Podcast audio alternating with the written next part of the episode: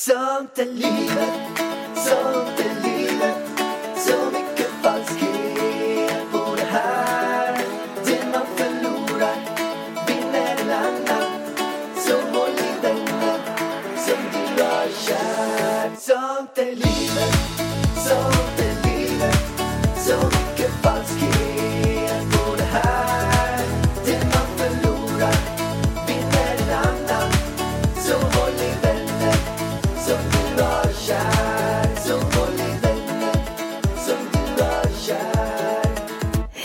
och välkomna till Sånt är livet med mig och dig. Med mig och dig. Men jag har fått en låt på hjärnan. Jag vet och nu har jag typ också den låten på hjärnan och det bådar inte gott eftersom att vi inte ens har fått ut ungen än. Ja, men den är, jag, alltså jag gillar verkligen den. den. Den går så här. Och det är ba, ba, ba, ba, ba, ba, ba. Och det är bi, bi, bi, bi, bi. Alltså, den där kommer man ju få höra, det är Babblarna. Jag har hört att det är det mest populära programmet bland bebisar och typ barn. Men den är så härlig. Alltså, alltså jag, man bara älskar den. Och, och, alltså den är så... Nej, jag älskar inte den. Men den är ju underbar. Men den är ju perfekt för dig, för du älskar ju upprepning. Ja, men jag upprepar exakt Nej, allting. men du skulle kunna fråga mig samma fråga i två timmar. Men vet du vad jag gjorde en gång med min lillebror? Jag, jag sa till honom så här att du, eh, hur är läget? Sa jag till honom när jag var, när jag var liten så här. Och då var jag inne i vardagsrummet och då satt han där inne och jag bara Adam, hur är läget? Och då tittade han på mig, han kanske typ lekte med bilar eller något sånt. Han bara, tittade på mig. Jag bara, Adam, hur är läget? Bara tittade på mig igen. Jag bara, Adam, hur är läget? Och då tittade inte han på mig längre. Adam, hur är läget? Vet du hur länge jag stod så? Alltså, nej men jag vet, du kan stå så forever. En och en halv timme. Alltså, För jag tänkte så här, jag ska inte ge mig. Nej, jag blev en tävling för mig. Jag bara, jag kommer ställa frågan tills han svarar. Så jag ställde mig så jag bara, Adam, hur är läget? Adam, hur är läget? nej men jag har sett dig leka med min eh, lilla kusin. När du och Hon är Filip... bra, alltså. Ja, när, hon vinner ju över dig. Alltså ni hade så här skedtävling, kommer du ihåg det? När ni satte en sked på näsan så sitter ni där i typ 20 minuter med den jävla skeden. För att den som den ramlar ner först på, den förlorar ju. Ja, exakt. Man trycker fast, man tar lite saliv på den. Gör man? ja, men gör man väl, eller? Man gnider in det i, i sin näsa, trycker fast den. Så det är alltså näsa, saliv och, och sked. Och sen försöker man få den här att sitta fast med salivet som klister på näsan så länge som möjligt och balansera den. Vad är det mer man brukar köra så argleken, typ? Att man inte får garva? Ja, argleken. Men jag är ganska bra på argleken. Ja, men hon vinner alltid. Ja, men de, barn är, de, de har liksom inget, de har inget, de har inget mål. De är bara så här Vadå ingen mål? Hon vann ju. Ja, hon måste väl alltså- haft ett riktigt mål? Ja, men det är det jag menar. Att de har ju typ ett mål. Att nu ska jag bara köra arga leken tills jag vinner, oavsett vad det än är. Ja. Och då kan de ju köra det bara, för att då är deras fokus bara det. De har, det är liksom ingenting i deras hjärna än att de ska köra arga leken. Och sen kan de sitta, och vi sitter i timmar. Vet Det kan ju du också. Men som när du var liten, du kunde ju gå ut och jula i så här fem timmar. Så bara jular du åt ena hållet, andra hållet, ena hållet, andra hållet, ena hållet, andra hållet, ena Fast det hållet. kan jag ju för sig nu också. När det är så här fysisk aktivitet så funkar det för mig. Och jag satt och pysslade hur länge som helst. Alltså du flera pussel, timmar. Nej jag, nej, jag virkade och stickade och målade, broderade, pysslade, gjorde så här garnbollar. Alltså du menar alltså, typ naveludds? Nej, alltså, så här du, man gjorde, bollar. klippte ju ut så här i papper, rundring och så trädde man typ garn runt, runt, runt, runt, runt, runt tills den var helt proppfull det här hålet. Sen klippte man upp den och så blev den så här som en boll på en mössa. Jaha, så gjorde vi med gummisnoddar. Men vi tog en gummisnodd och satte på så det blev större gummisnodd. Så blev det typ lika stort till slut som en fotboll. Okej, okej, ni kan ju anteckna det här om det var någon som liksom kände att det var något intressant vi sa. Men du Vargen, Ja. du är ju eminent duktig på en sak. Möjligen en av de absolut bästa i hela Sverige. Ja. Det är ju nämligen så att nu ska vi testa att applicera någonting som har blivit helt storslaget i en av dina kanaler blogg och testa att överföra det till ljudmässigt, alltså i podd. Vad är det vi ska göra? Nu ska vi försöka göra mitt bästa mest populära blogginlägg i poddformat. Och det är... Drrr, veckans lista! Veckans lista. Det här är typiskt bloggare, blogginlägg, att köra listor. Jag älskar att läsa alla slags listor. Det är så roligt. Men jag tycker att vi river igång direkt. Så att det här är det första på listan. Veckans läskiga. Den är riktigt läskig. Den är extremt Ja, läskig till och jag med. tycker det i alla fall. Det är jag som står för veckans läskiga den här veckan. Scary times. Scary jag har varit med om det läskigaste av det läskiga. Ja, jag vet inte om jag kan höra mer. Låt mig sätta på en ögonbindel flytväst och stoppa napp i munnen. Jag är så rädd. Ja, och det absolut läskigaste som hänt i veckan det är att min telefon har ringt. Don't tell me Vilket jäkla läskigt liv man har alltså. anymore. Don't tell me Nej anymore. men på riktigt alltså, jag har telefonfobi. Men jag undrar så här, vad fan är ditt jävla problem? Nej, men jag hatar att prata i telefon. Men berätta, berätta från början, vad är det? Berätta, berätta händelsen. Nej, men eh, det ringer folk till mig som jag känner att jag inte... Visst, jag känner personerna, men jag känner dem inte tillräckligt väl så att jag känner att jag vill prata med dem på telefon. Då känner jag... Kan vi, kan vi räkna hur många gånger jag säger känner i den här podden? Då känner jag att varför smsar du mig inte? Eller mejlar? Varför måste du ringa mig? Jag, nej men jag känner skräck. Jag vill inte prata. Vet du, de enda jag kan prata med i telefon utan att känna lite smått ångest och läskighet, det är mamma. Det är du. Tack, kul. Vi pratar ju kanske fem gånger om dagen det i att vi telefon. spelar ju typ in, utöver den här podden så spelar vi typ in fyra poddar till varje dag. Vi, vi pratar sjukt mycket telefon. Ja. Ja, mycket telefon blir det. och det tycker jag är eh, okej. Vem är det mer jag kan ringa? Typ ingen mer. Jo, men... eh, Vem är det jag ringer? Eh, eh, Gabbans dotter. Ja, men det är hon som Jossan. ringer mig. Men jag får lite panik då också. Men Filippa. jag känner att jag måste svara när Filippa ringer. Ja, men hon, hon, är, hon är 13 år. ja. 13 år gammal. ja, men det är inte så läskigt. Eh, Men familjen... Men, kort, men, men du får ångest. Och, Ja. du, du är lite så här, du kan inte prata med någon på telefon som du inte känner. Nej, eh, men grejen är att jag kan inte prata med Natasha på telefon. Hon är min men, bästa vän. men det låter ju som att du, du kan inte prata med någon typ som, det är nästan som att som folk brukar tänka om sex. Jag kan inte ha sex med någon som jag inte känner. Du kan inte prata med någon i telefon som du inte känner. Nej, men jag kan inte... Det är vissa som jag känner... Som Natasha är ju min allra bästa vän. Nej, men jag, jag får panik om hon skulle ringa mig. Men hur känner du? Vad har du för känslor i kroppen? Kan du måla upp Nej, dem men jag för blir oss? skitnervös. Jag vet inte vad det är för fel med telefonen. Sen när jag svarat så, så blir det ju inga problem när man väl pratar. Men det är just när jag ser att det ringer och jag bara, jag måste trycka på svara här nu. Men är det själva grejen att, den här, den här, att föra fingret över den här tryckknappen? Är det det som är skräcken? Nej, jag vet inte vad Är som är är, skräcken. Jag vet vet? inte. Var, om du, du har ju fobi för myror. Du står ju i sängen och skriker Nej, alltså, om du ju- ser en myra. Nej, kan nej. du förklara för mig, vad är det läskiga då? Nej, det är snarare så här att jag har förbi för alla typer av kryp. Så där har du helt fel. Så att myror är ju en av dem, men jag har förbi för exakt allt. Precis. De är pyttesmå och inte alls farliga. Så hur kan du förklara den fobin? Jo, men det är ju att de är just det. De är, Du har är, ju ingen anledning till att stå i sängen och skrika för att det kommer en myra. Nej, men jag, man är rädd för kryp. Det är någonting som är inte jag. medfött. Jag tycker myror är söta. Ja, jag förstår. Jag, jag tycker inte alls att det är farligt. Yes. Men du, har vi pratat klart om det här eller? Nej, men jag vet att det är många som känner igen sig. Jag vet att det finns fler i denna värld som har sån här telefonfobi. Så ni kan ju berätta för mig då varför jag har den. Hur kommer det sig? Finns det någon psykolog där ute som, som vet eh, hur Idas mamma har tappat henne i golven någon gång när hon var liten? Så att hur slog hon sig för att få en fobi för att kunna svara i en telefon när hennes bästa kompis ringer? Vad är det för fel på henne? Jag måste ju ha haft en telefontrauma någon gång i livet. Minns du om någon någonsin någon gång har tagit en telefon och slagit den i huvudet på dig? Nej. Nej. Bra, Nu, går hoppar vi in, vidare. Nu hoppar vi in på nästa. Och det är...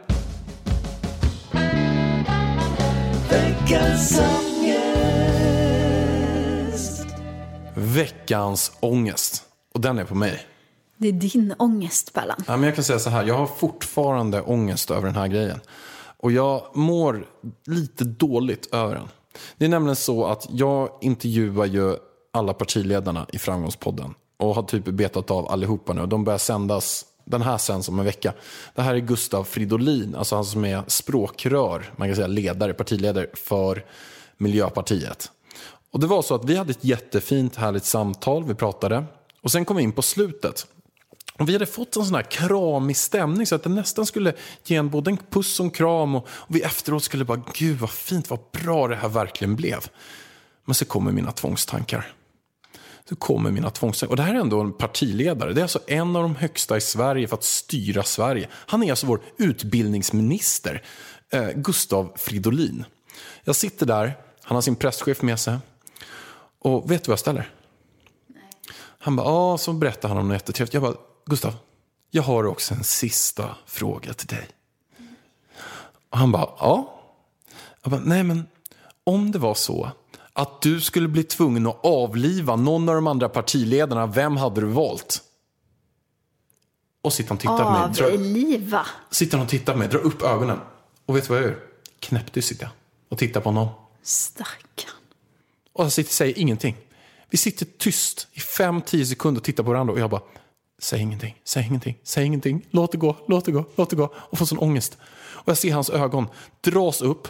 Jag ser att han bara, vad fan är det för jävla idiot som sitter framför? Och vi kanske pratar om, förstår du, vi pratar om Bumbibjörnarna innan. Något jättemysigt med att hans barn eller sådär. Och att jag ska bli pappa. Och sen kommer den frågan. Från ingenstans bara, boom, en sån här Han bara, tvångstankefråga. vad är det för psykopat som sitter här? hade Jesus. inte jag kommit till Framgångspodden, frågar man sådana här frågor nej, då? men, nej, men det var, det, det, det var, det var kaos. Ni kan, ni kan lyssna på den på Kommer om du ta vecka. med den frågan?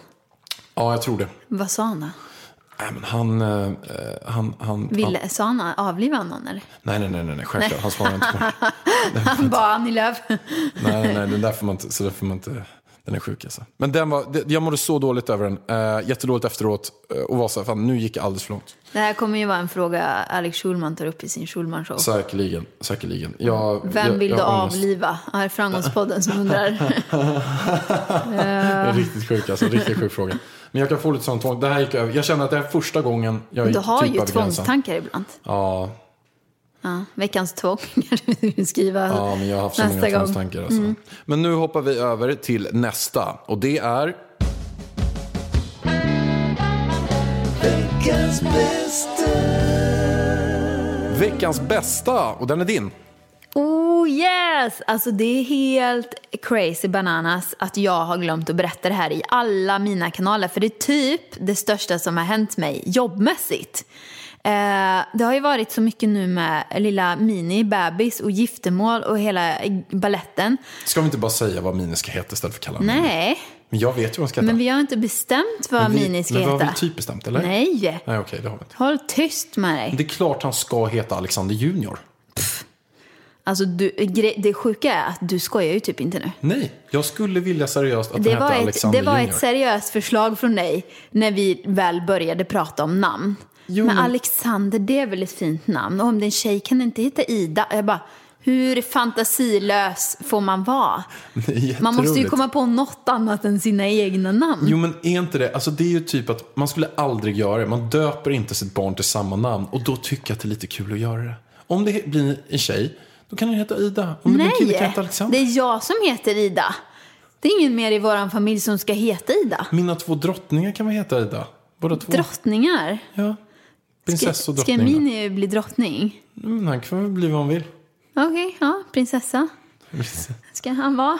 Men... men- hallå, nu tog du lite mitt fokus här. Jag ska berätta vad det största i mitt liv förutom giftermål och barn är. Ja. Ja, veckans bästa. Jag ska släppa mitt eget varumärke. Och det är ju en stor grej. Men det sjuka är, jag kommer ha mitt varumärke på alla hm butiker i hela Sverige. Wow! Nej men alltså förstår du hur sjukt det är? Det är så coolt. när jag om typ, jag tror den kommer om två veckor. När jag kommer gå in där på beautyavdelningen på H&M så kommer mitt varumärke stå där. Och det är inte bara så att det är ett varumärke jag hittat på ja men, eh, bubbelgums namn typ så här. Bara ett vanligt namn. Utan mitt varumärke heter Ida Varg. Så Ida Varg kommer stå där på hyllorna Kan på du H&M. säga vad det är för något? Eh, jag måste dubbel... Jag vet inte om jag får säga, så jag måste faktiskt dubbelkolla med dem jag jobbar om det är okej att jag får säga. Så i sådana fall säger jag i nästa podd. Men det kommer handla om en skönhetsprodukt och själv, självklart kommer den vara vegansk. Gud vad spännande. Mm. Sjukt intressant. Och det sjuka, det jag tänker på, det, det är ju så här att när, när jag var yngre, då eh, snattade vi en del. Ja. Eh, Snodde en del på H&M Skulle och... du sno Ida Varg då? Nej, men det häftiga är ju inte det. Det häftiga är ju att det kommer komma in ungdomar och snatta dina produkter. Att de bara, den här måste jag ha. Och sen tar de den under tröjan och bara kommer hem och bara, den här har jag snott. Alltså det tycker jag är riktigt coolt. Tänk Men om någon skulle vilja sno min... ser jag någon jävel sno mitt varumärke inne på H&M vet du, jag kommer ta ett tennisrack och dra. Nej jag skojar. Nej, men det är ju coolt att de Nej men gör det. vadå coolt? Nej, men alltså, det är häftigt att Man ska någon, du vet, inte nära- sno saker. Nej, men att någon ändå kan känna sig att jag offrar mitt liv för att försöka få Ida Weiss produkt för jag kan inte köpa den. Är inte det något riktigt så här Ja, Jag tycker mer att det är bättre att man eh, betalar sina pengar för att köpa en produkt som jag har tillverkat. Men tänk om typ, vi, vi, vi tar några som kanske snor mycket saker. Vi tar att, att Hells Angels kommer in på H&M. De kommer in tio mo- motorcykelknuttar. De vandrar in. De, någon säger till den här kassörskan sitter där. Ey du, eh, har du någon skinnjacka? Och sen så går de andra nio grabbarna in och så hon bara börjar sno dina produkter och stoppa på sig de jackorna. Så här. De bara, Ja, den här. det skulle ju vara en jävla syn det, när de kommer in på H&M's beautyavdelning och plockar på sig en massa skönhetsprodukter. Ja men det är det som är grejen. Och sen kommer de hem. Angels. Och bara, har du testat den här? Och sen börjar de smeta på liksom så här. Ja, och de bara, Jesus. shit, kolla in den här då. Ja. Det är en dröm. Det är en dröm. ja, det är ju kanske ingen dröm som jag har haft då. Men eh, ja, det hade väl varit lite smickrande då. Är det några från Hells Angels som lyssnar på den här Så podden? kan Sno Idas göra produkter. en... Nej men sluta. Okej, det är faktiskt en till bra grej som har hänt.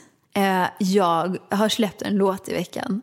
Eller nej, jag har släppt en remix på min fina låt Set Sales. Som jag tänkte att vi spelar i slutet av den här podden. Och det var, det var så här att jag släppte ju en låt som heter Set Sales som jag själv tycker är väldigt bra i höstas. Eh, som har blivit väldigt populär, speciellt på Musical.ly. Den har legat på ett, typ på topp tre på topplistan där jättelänge. Men i alla fall, då var det några härliga killar från Zebra Music som gjorde, eller som hörde av sig och ville göra en remix. Och då sa jag självklart, eh, testa att göra en remix och sen tyckte jag att den blev så himla bra. Så det blir liksom en sommarversion av låten. Så in och lyssna på Spotify, på Set Sales Zebra Remix. Eller eh, stanna till slutet. Det är riktigt bra. Zebra Remix. Det är ju helt fantastiskt. Zebra Music har gjort en remix. Okej. Yes. Skitsamma. Lyssna på Idas djurmix med massa zebror och skit. Som, som håller på och sjunger Set Sales. Det, det låter ju guld alltså. Eller bajsa på din bok. Lugna ner dig. Ja, du, du har bajsat på mina produkter här nu. Nu ska jag bajsa på din framgångsbok. Lugna ner dig. Du kanske ska läsa den så att du får någon jävla Zebra Music. Någon. Du, jag tänker inte läsa mina egna citat. Nej, jag kan redan dem. Du har ju citat i boken. Jag vet, det var ju det jag sa. Ja, och till det, min, min bok släpps nu, nu i veckan. Ja, då kan väl Hells Angels gå in och sno den jävla Men boken om, istället. Tänk om det kommer in tio motor- motorcykelknuttar på, på akademin, akademibokhandeln och snor mina böcker. Ja, men då blir du nöjd eller? Ja, men jag blir fantastiskt Ja, nöjd. men Hells Angels, gå dit och sno hans, hans böcker istället. Den kom ut på onsdag. Framgångsboken. Det är också en, en jäkla fantastisk grej. Men nu hoppar vi över till nästa. Och det är...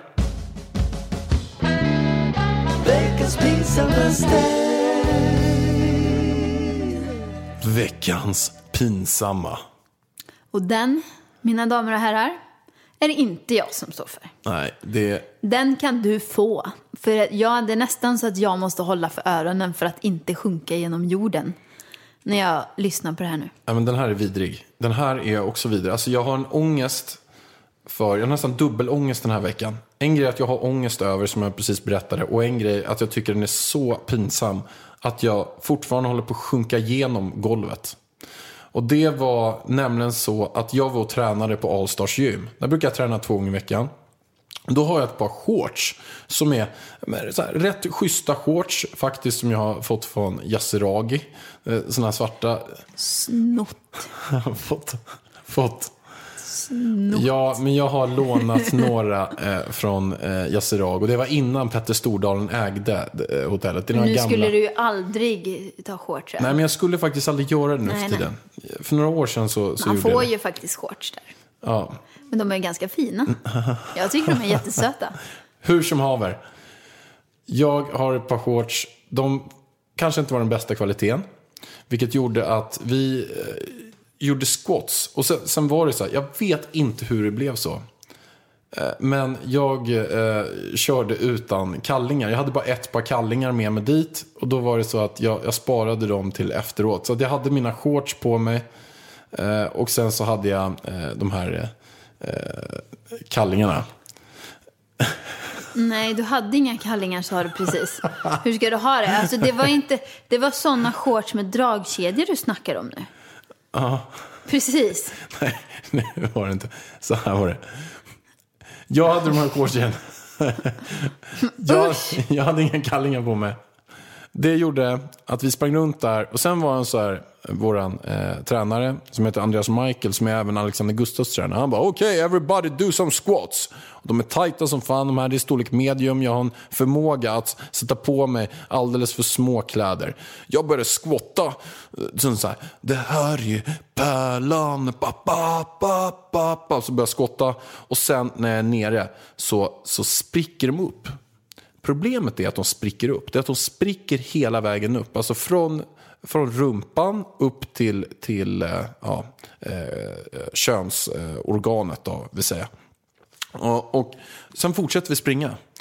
Jag fortsätter, håller på. Och sen så blir det så att, att min dick börjar flyga ut från det här hålet. Och han bara, nu kör vi squats igen. Do some squats. Och, och då står jag och kör squats. Och då flyger den upp och ut. Och då ser han det. Och han börjar garva och peka på mig. Och så tittar jag ner. Så ser jag min, min snopp fladdra runt utanför shortsen. Och han bara, han tror att jag typ gör det medvetet. Så han bara, put in that shit. Put, put in that, that snake again. Märker inte du detta då? Jag märkte inte det. Jag märkte inte det. Så jag märkte det när, när det var det. Men alltså jag, det är ju lite så här, eh, shortsen är lite fladdriga, lite sådär. Men jag hade inte koll. Och sen Men så bara tittade jag ner så såg jag min snopp hänga. Ja, men det blev att jag, jag, du vet man kommer dit och sen bara, åh, jag har bara ett par med mig. Och, och sen blir det så att jag har bara ett rena par, jag vill inte förbruka dem till att jag kommer hem. Att jag vill ha på dem under jeansen. Och det blev, alltså jag glömde riktigt. bara. Nu kommer folk tro att du alltid går runt utan kalsonger för du drog den här i din podd i onsdags också. Att du aldrig har kalsonger. Inte när du sover, inte på dagen. Hur lurade alltid- din gäst? Jo, men jag Att du inte hade kalsonger på dig? Du sa typ inte ens att du skojar. Nej, nej, jag vet. Men det är väl lite roligt. Al- Al- Alex Schulman Och blev nu blåst. drar du den här, liksom, att du inte har kalsonger. Men, du, men om, man har ju filmbevis dock att jag alltid har kalsonger. Det är bara att kolla på dina vloggar. Man såg i senaste vloggen att jag berättade om den när jag var sjuk. Vadå? Ja, men du vet när du, där du satt där och visade svarta bebiskläder i New York. Och bara Jag så orkar Det här inte." är babba. Så visar du babba, babba. Ja, men alltså jag sitter och ska göra en liten hål när jag ska visa vad jag har köpt i New York till lilla Mini. Små söta bebiskläder. Jag ställer upp kameran. Du ser att jag sitter och filmar. Du filmar hela tiden. Ja, men alltså då går man väl inte i den höjden. Och du, du, det är liksom som att du vill så gärna vara med på min video. Så att du har ett helt hotellrum, men du ska gå just bakom mig när jag pratar och hålla på och fixa och dona. Så att man ser ju bara eh, den delen, den regionen av din kropp. Så man ser, du går runt där i kallingar. Så man ser din rumpa och din snopp i de här kalsongerna. Och jag märker ju inte det när jag sitter där. Sen så bara skickar jag till Lisa, får tillbaka videon. Det är så här, ah, videon ska upp idag. Det är liksom bråttom, det är jetlag. Lisa har lagt sig och eh, sover. Det är inte så att jag kan spela om det här. Så jag bara, skit samma, han får fan skylla sig själv. Om han är så dum så han går bakom kameran i kallingen liksom. Men har du, har du fått någon, är det någon som har skrivit någonting om, om det? Ja, jättemånga. Många bara garvar ju. Liksom bara, vad tänker han med? Alltså, vad går han där bak i kallingar när jag visar upp små söta bebiskläder? Och en person blev stött på riktigt. Hon bara, nej, fy, det där var väl inte passande. Jag garvar ju bara. Men jag höll ju på typ att blanda en, någon sån här musli eller något. Så jag gick i Ja, men bakgrunden du bara gjorde kallingar. någon kokosyoghurt Kokos, med müsli typ. Och sen så, så ser man det, men du hade ju zoomat in så man ser ditt ansikte jättetydligt och så ser man eh, en, en dick och en rumpa åka förbi. Eh, Alltså så här, bakom hela tiden, så på din vänstersida står en stor jävla rumpa. Alltså i kallingar, ganska tight rumpa då. Alltså tight tajen. Alltså, Ursäkta, nu, nu går det överstyr här. Men det är liksom, alltså det är alltid så, om jag ska fota min maträtt här, då, det är som att du, du dras till kameran. Men jag är en Helt plötsligt så teaterapa. är någonting av din kropp med i min matbild. Jag bara, kan du flytta på dig? Ja, Du är en teaterapa, du Jag gillar en att vara med i teaterapa. centrum. Ja, Jag tycker det är kul när du håller på så här. Det här är babba. ta nästa punkt nu. Okej. Då hoppar vi vidare till nästa. Veckans. Och det är ingen mindre än veckans piss. den är fan på dig. Den får du ta den här skiten Ja, alltså. men den här är ju fett jobbig. För det är ju som så här, när man är gravid så kan man ibland inte hålla tätt. Eh, och Alltså det, vill jag höra det här? Jag har inte hört det här. Jag har inte kissat ner mig, det har jag inte. Men om man säger som så här. Får man en ordentlig nys som man kan få nu i pollensäsong så kan det ibland, om man är lite, lite kissnödig, så kan det vara lite svårt att hålla tätt. Så att det är dags för mig att börja göra knipövningar varje dag. Men, men är det så? Alltså om jag bara förstår det här nu. Du står så här, du nyser och sen samtidigt som du nyser drar du en kiss bara så här. Ja, lite. Men du bara kissar lite så här. Men det går inte. Vet du, det går inte att hålla tätt. Men lite så här skön bara. Nej men Du det bara, går inte. Du Fråga alla gravida kvinnor där ute och det kommer Jo, bli ännu värre. Förstår du? hört det. N- När jag har fött ut ett stort jävla huvud ur min vagina. Det är inte så att den bara dras ihop helt plötsligt. Nej, nej, då kan det bli ännu värre sen. Jag har tränat kunder som har fött barn. Och de kan inte hoppa överhuvudtaget för de kissar ner sig. De, de, de beskriver att det känns som att allt innehåll i liksom hela livmodern ska ramla ut. Så beskriver de det. Men om jag bara får försöka förstå det här. Eh, på, på tjejer, eh, då är det alltså att har man, man har ett urinrör. Hej! Är du en av dem som tycker om att dela saker med andra? Då kommer dina öron att gilla det här. Hos Telenor kan man dela mobilabonnemang. Ju fler ni är, desto billigare blir det. Skaffa Telenor familj med upp till sju extra användare. Välkommen till någon av Telenors butiker eller telenor.se. Som, som, Ja, det hoppas jag verkligen. ja, man har ett urinrör och det är ett, det, är ett- det är ett hål då. Som går till någon typ av urinblåsa. Så man kan säga att det är en påse där inne. Som, Men alltså, nu får du lugna ner dig. Varje gång vi ska göra något så ska förstå. du förklara som att du vet. nej men jag vill försöka förstå. men och då är det så här att jag här, vet är inte. det urinröret som har slappat till sig? Är det muskler Nej, det runt är inget det? som har slappat till sig. Vet du hur mycket saker det ligger inne i min kropp just nu som trycker på saker och ting? Ha? Så tänk om någon skulle stå eh, typ trycka en knytnäve på din urinblåsa, kissblåsa. Och sen nyser du på det. Ja. Ja. Då skulle du fan kissa ner dig också. Men då är det alltså att det är tryck på urinblåsan Nej, men som jag vet pressar inte. ner Det på är urinröret. någonting i alla Och där fall. är de här urinmusklerna inte kan hålla, hålla fast dem, kisset. Oklart. Jag vet inte. Jag kan inte svara. Varje gång du nyser så drar du en piss. Nej, nej, nej. Det har hänt en gång och jag har nyst många gånger. Men om jag är kissnödig så kan det bli lite svårt. Och det här kan bli värre. Men ska du inte bara köra blöja då? Vi har Nej, jag ska inte ha någon jävla blöja. Nej, jag sa bara att det var veckans piss, det är jävligt jobbigt, det är veckans graviddiss. Så nu fortsätter vi till nästa. Då hoppar vi vidare på nästa.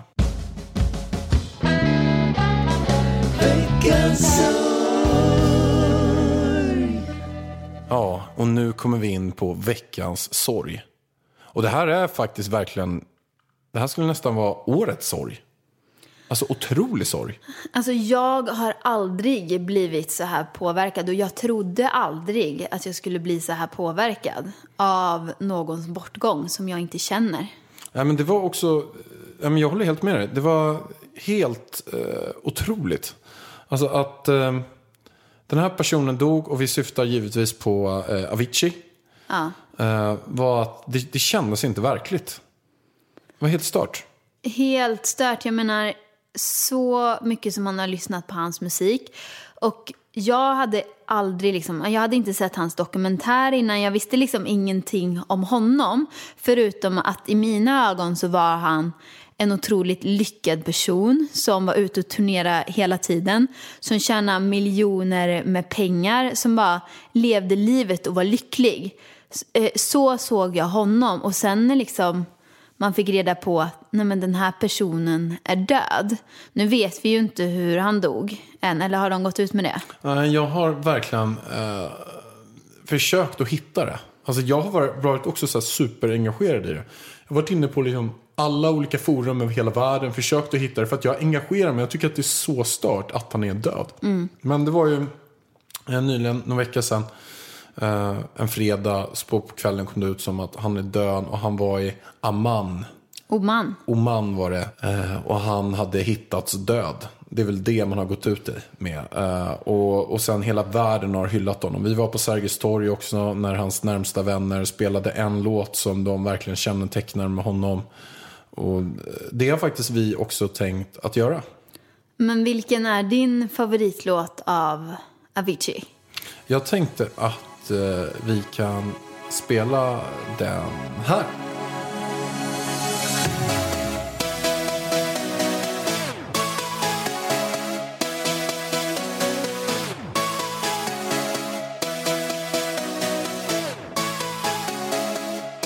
Ja, alltså den här låten. Alltså den, den ger mig såna häftiga minnen. Det tror jag också varför hans bortgång blev så himla chockerande för alla. Att alla har någon sån där känslomässigt band. Alltså jag själv har aldrig någonsin träffat honom. Jag, jag är faktiskt väldigt god vän med Ash, eh, hans eh, förra manager, som, som också känner att det är, det, är- det är hans bror verkligen. Eh, men jag har aldrig någonsin träffat eh, Avicii. Men jag har så, såna sjukt starka band. Och till den här låten så tänker jag så här, verkligen på så här, frihet.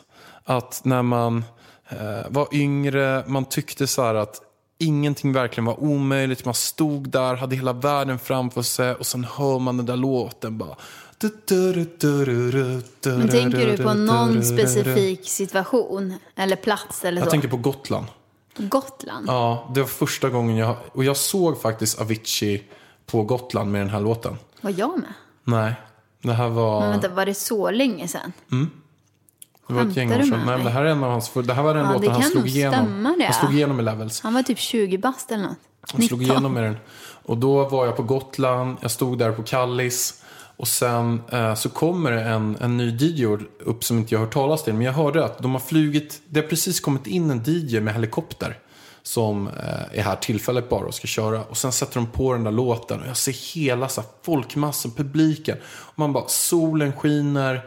Eh, och man bara står där och livet är helt eh, problemfritt. Och de bara kör den där och de bara känns sommarkänslorna i kroppen. Magiskt alltså. Älskar den där låten. Den har jag haft. Eh, jag tänker på mina gamla danselever. Mina discoelever. För jag hade den där låten typ i fem år som uppvärmningslåt. Så jag, jag tänker på lyckliga discoelever när jag hör den. Underbart. grym.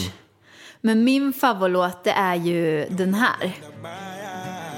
So that's fine by me. So wake me up when it's all over. When I'm wiser and I'm older. All this time I was finding myself and I didn't know I was lost. So Alltså den här låten känns som att det är den låten som Av- Avicii blir så här världskänd med. Och det vet jag inte om det ens stämmer. Men för mig känns det så bara för att precis när den här låten släpptes så drog du och jag till LA i tre veckor. Och där så spelade de den här låten konstant. Jag kommer ihåg när vi låg där på Chamberlains eh, takterrass. Ja, just det. Kommer du ihåg bara, det? Och så gå ut över så här Hollywood Hills och då spelar de den. So wake me up. Ja. Och på typ alla planscher och sånt runt omkring så var det så här Avicii, Avicii han ska spela i Vegas, han ska spela där. Jag bara shit det går bra för den här killen, wow.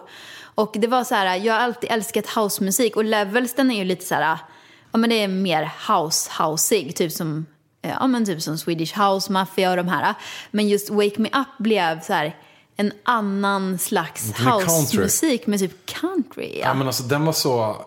Alltså jag var så imponerad över när han släppte den. Då var det så okej det här är ett, det här är ett musikaliskt geni. Mm.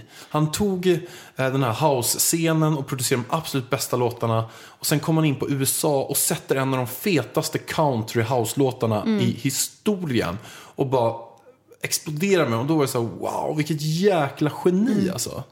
Men sen så när man väl börjar lyssna på texterna i hans låtar så märker man, okej, ja, de här är ganska sorg, sorgsna. Jag menar, väck mig eh, när allt är över. När jag är äldre och visare. Men det, det är ju typ den handlingen. Och sen så skrev jag, vad var det jag skrev? Eh, One day you'll leave this world behind so live a life you will remember. Den är också så här... Ah.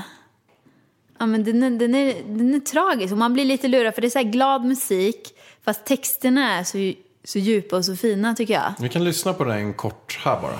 He said one day you'll leave this world behind. So live a life you will remember. My father told me when I was just a child. These are the nights that never die. My father told me. Ja, men den är, den är verkligen så himla fin. Och sen att han eh, nu eh, har... Alltså, det är svårt att säga vad han gjort. Jag vet inte om jag vill spekulera i det för mycket. Nej, det ska vi ju inte göra. Visa respekt till, eh, till hans familj och, och allting. Men eh, de har i alla fall gått ut med att det var ingen olycka. Eh, Och det, alltså det, det är ingen som är... Det var ingen olycka har de inte sagt, men de har sagt att det, det är ingen som är misstänkt. Nej, Så men att, så att, och sen verkar det som, vi kollar på dokumentären också om Avicii. Och han har, det ser inte ut som att han har haft ett lyckligt liv de senaste åren. alltså gud jag blev så, vi kollade ju på dokumentären, eh, var det på, på samma dag som, nej dagen efter tror jag det var. Och då liksom, men herregud, wow. Han mådde, han, enligt den dokumentären fick man ju verkligen inte uppfattningen om att han gillade sitt liv. Alltså det kändes ju mer som att men han, han älskade att göra musik. Men han älskade inte liksom resten av vad liksom en DJs liv innebär. Som alla turnéer och allting. Och det är sjuka är att jag verkligen känner med honom.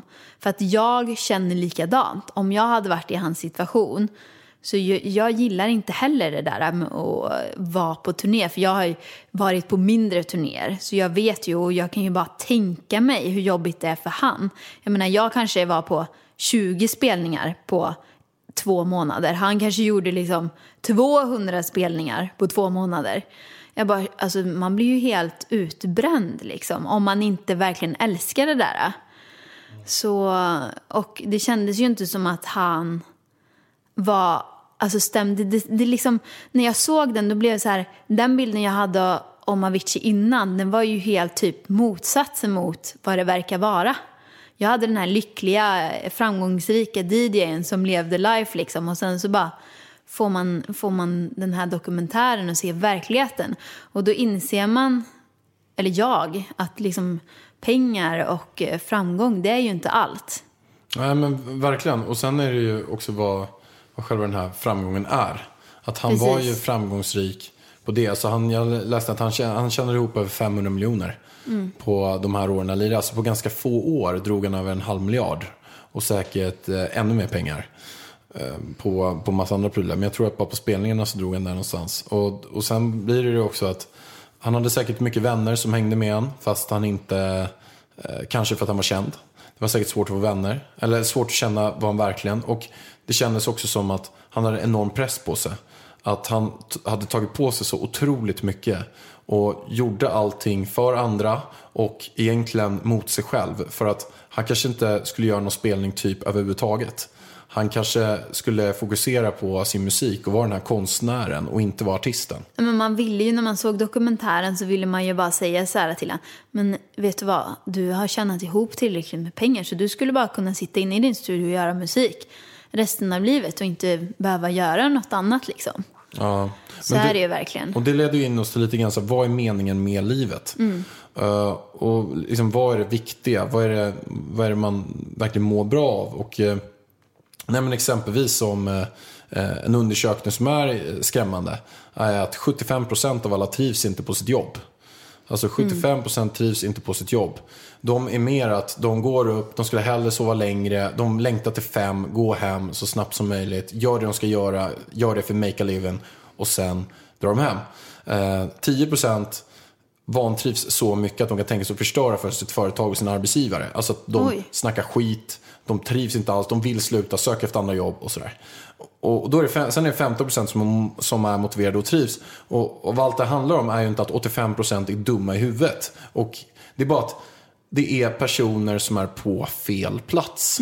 Eh, och de har klättrat på fel stege. De har inte hittat vad de verkligen vill göra i livet. De har inte hittat sin mening med livet. De kanske gör någonting för att andra vill att man ska göra det här. Eh, de gör det för att omgivningen vill. De gör det för att de är pressade av samhället, av vänner, av en bild som de tror är framgång eller det de söker efter. Ja, det är väl som du säger. Det är ju ganska svårt det här med just jobb. För att man måste ju jobba och tjäna pengar för att överleva i dagens samhälle. Och eh, ja, det, vad, ska man liksom göra om man vantrivs på jobbet? Jag känner så här, här är man ung, har precis slutat gymnasiet, nej, men då kanske man måste ta ett brödjobb. Man kanske måste jobba de där eh, timmarna bara för att tjäna ihop pengarna. Men sen så det viktigaste av allt tycker jag är att ha en plan, tror jag. Alltså att man kanske eh, tar det här brödjobbet för att man har en plan att man vill nå till, sin, till, till, till sitt drömmål, till sitt drömjobb. Eh, ja, vad men du? verkligen. Nej, men det är ju inte fel att göra någonting om man vet varför man gör det. Nej. Alltså att du går till ett jobb du kanske inte trivs med för att du vet att det här, här eh, samlar ihop pengar för att jag ska åka på min Thailandresa eller samlar ihop pengar för att jag ska göra det här. Och se det som en, en tillfällig destination man, man går på. Men, eh, och, och ofta när jag har suttit och funderat på det här och pratat med folk om det och, och sånt så, så är det att eh, folk, folk förstår det här med okej, jag måste sätta mål, jag måste göra alla de här bitarna för att klara av det jag vill. Problemet för mig är att jag vet inte vad jag vill. Nej, jag vet. Jag vet inte vad jag vill. Det är det som är problemet. Jag vet hur jag ska uppnå det jag vill, men jag vet inte vad jag vill. Och, där känner man ju igen sig. Det finns några saker man kan göra för att försöka hitta det man vill och se att man inte klättrar på fel stege.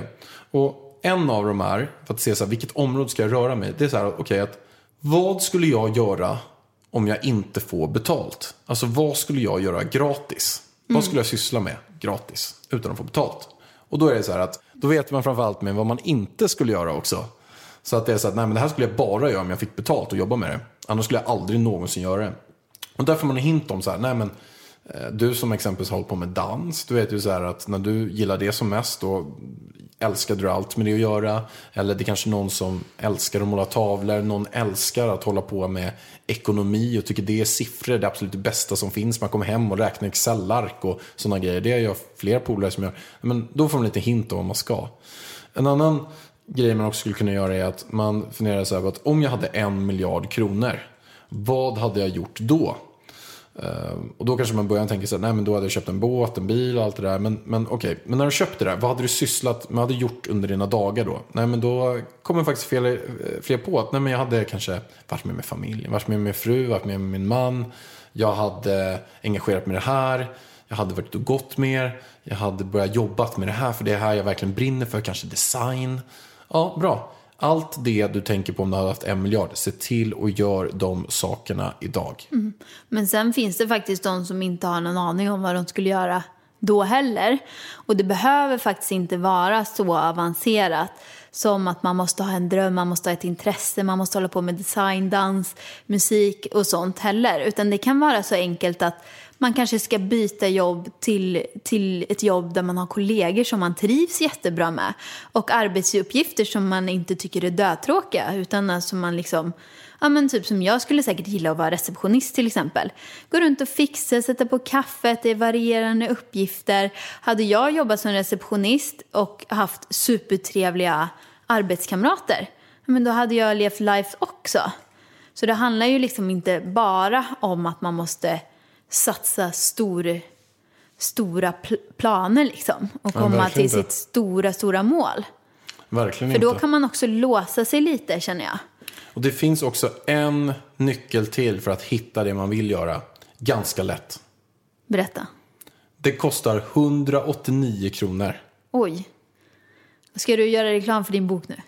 Framgångsboken. Framgångsboken. Halva boken handlar om just det här. Det är två halvor. Den ena halvan är att man ska hitta det man vill göra och den andra halvan är att man ska kunna lyckas göra det man verkligen vill göra, alltså hur man ska göra det. Så att det är faktiskt det är absolut eh, ett jätte, jättebra tips. 189 spänn kan det vara värt och det finns också på ljudbok på bland Storytel. Ja, men det är jättebra tips där i.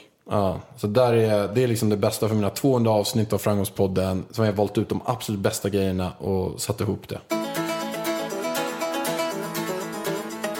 Ja, och nu ska vi ju också prata om veckans sponsor som är återigen Kry. Världens bästa kry. Ja, men alltså de revolutionerar ju verkligen eh, sjukvården. Alltså, istället för att man bokar såna här långa köer där man tar jättelång tid att få hjälp så kan man alltså få det direkt i mobilen. Det är så otroligt smidigt. Och där kan man alltså träffa en läkare, en legitimerad läkare och prata om alla olika typer av problem man kan få. Exempelvis nu när det är supermycket allergier. Ja, jag tänker ju på alla som har allergi just nu. Eh, för då, jag kommer ihåg när jag led väldigt mycket av allergier. att Jag var tvungen att springa hos läkaren hela våren för att få nya recept. Det var nya astmasprayer, det var nya piller hit och dit. Och det, det tog jättelång tid. Och först ska man liksom ringa och boka tid och sen ska man dit. Och så himla smidigt att bara använda Kry. Så kan man få recepten utskrivna där.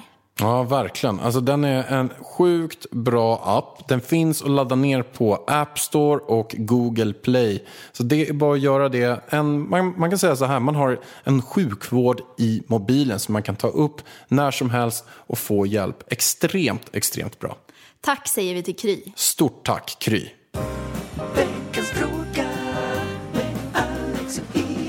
Ja, då hoppar vi in i veckans fråga. Och den kommer från en tjej som heter Louise Svensson från Arboga. Jag och min pojkvän har varit tillsammans i nio månader. Båda jobbar vardagar från morgon till kväll. Jag kommer hem runt 19, vilket innebär att då äter vi tillsammans, sen lägger vi oss i sängen, kollar på serie och sen somnar. Och det är samma sak varje kväll. Vi har alltså fastnat i en ond spiral känner jag. Har ni några bra tips för vad man kan göra för att fortfarande hålla förhållandet vid liv och inte få en negativ spiral av det? Jag vet många som har gjort slut på grund av att de har fastnat i en vardag och det vill jag verkligen inte ska hända oss. Vore snällt ifall ni kan diskutera detta lite så jag försöka få bra tips och idéer. Ja, nu ska vi ge relationstips här, relationsakuten. Eh, ja, det är lite svårt att relatera för mig för att vi har ju aldrig haft det så. För att vi har ju så himla oregelbundna jobb och tider så vi har ju aldrig fastnat i den här spiralen på något vis. Eh, men jag vet att det är många som gör det. Eh, och jag tror att då kan det vara väldigt bra att till exempel på helgerna göra annorlunda saker. Tycker jag. Att man kanske träffar sina kompisar, att han träffar sina kompisar, du träffar dina kompisar, ni kanske planerar att göra någonting tillsammans på helgen. Någonting annorlunda än att kolla på serier hemma. Komma ut, gå ut och äta middag, ta en promenad, gå på en yogaklass tillsammans eller träffa vänner tillsammans. Det skulle jag säga. Och sen så visst, vardagar. Alltså, man är ju trött när man kommer hem. Man vill ju typ lägga sig och kolla på en serie när man kommer hem om man har jobbat hela dagen kan jag tänka mig. Så, va, eller vad säger du? Ja, men jag tycker att det är superbra tips. Ja. Jag tycker också att man inte ska ta varandra för givet. Det är nog eh, huvudnyckeln. Och det har ju varit en grej som jag har tänkt i, i vårt förhållande Eh, lite grann, lite mindre just nu för att vi har involverat varandra så mycket med giftermål och barn och prylar. Men, men innan det har jag tänkt så här att tar det slut, tar det slut. Och eh, eh, så länge det känns bra så fortsätter vi. Men om det är så att det inte, att det inte funkar, då funkar det liksom inte. Och då har det gjort också att man måste jobba för det varje dag och att man inte ska ta varandra för givet. Att det, det, är, liksom, det är bra så länge det är bra. Och det är en anledning varför jag också har haft lite så här, eh, varit skraj för att gifta mig. För att då känns det som att man tappar den här, då tar man varandra för givet för att man är gifta. Det, tar, det är problem att skilja sig. Man är så här, ni ska vara ihop resten av era liv och sånt. Så att då, den eh, grejen har jag haft lite ångest över. Att, att den ska förändras. Men det har känts bra nu i alla fall.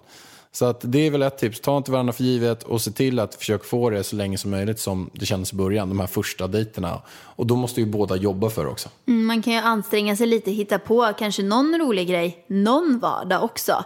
Eller att man träffar sina kompisar någon vardag. Eller att istället för att ligga och kolla på serier kanske ni tar en kvällspromenad tillsammans. Eller gör saker var för sig en kväll. Kanske kolla på varsin serie. Vad vet jag? Någonting annorlunda och bryta spiralen. Okej, det var allt för den här gången mina kära älskade vänner.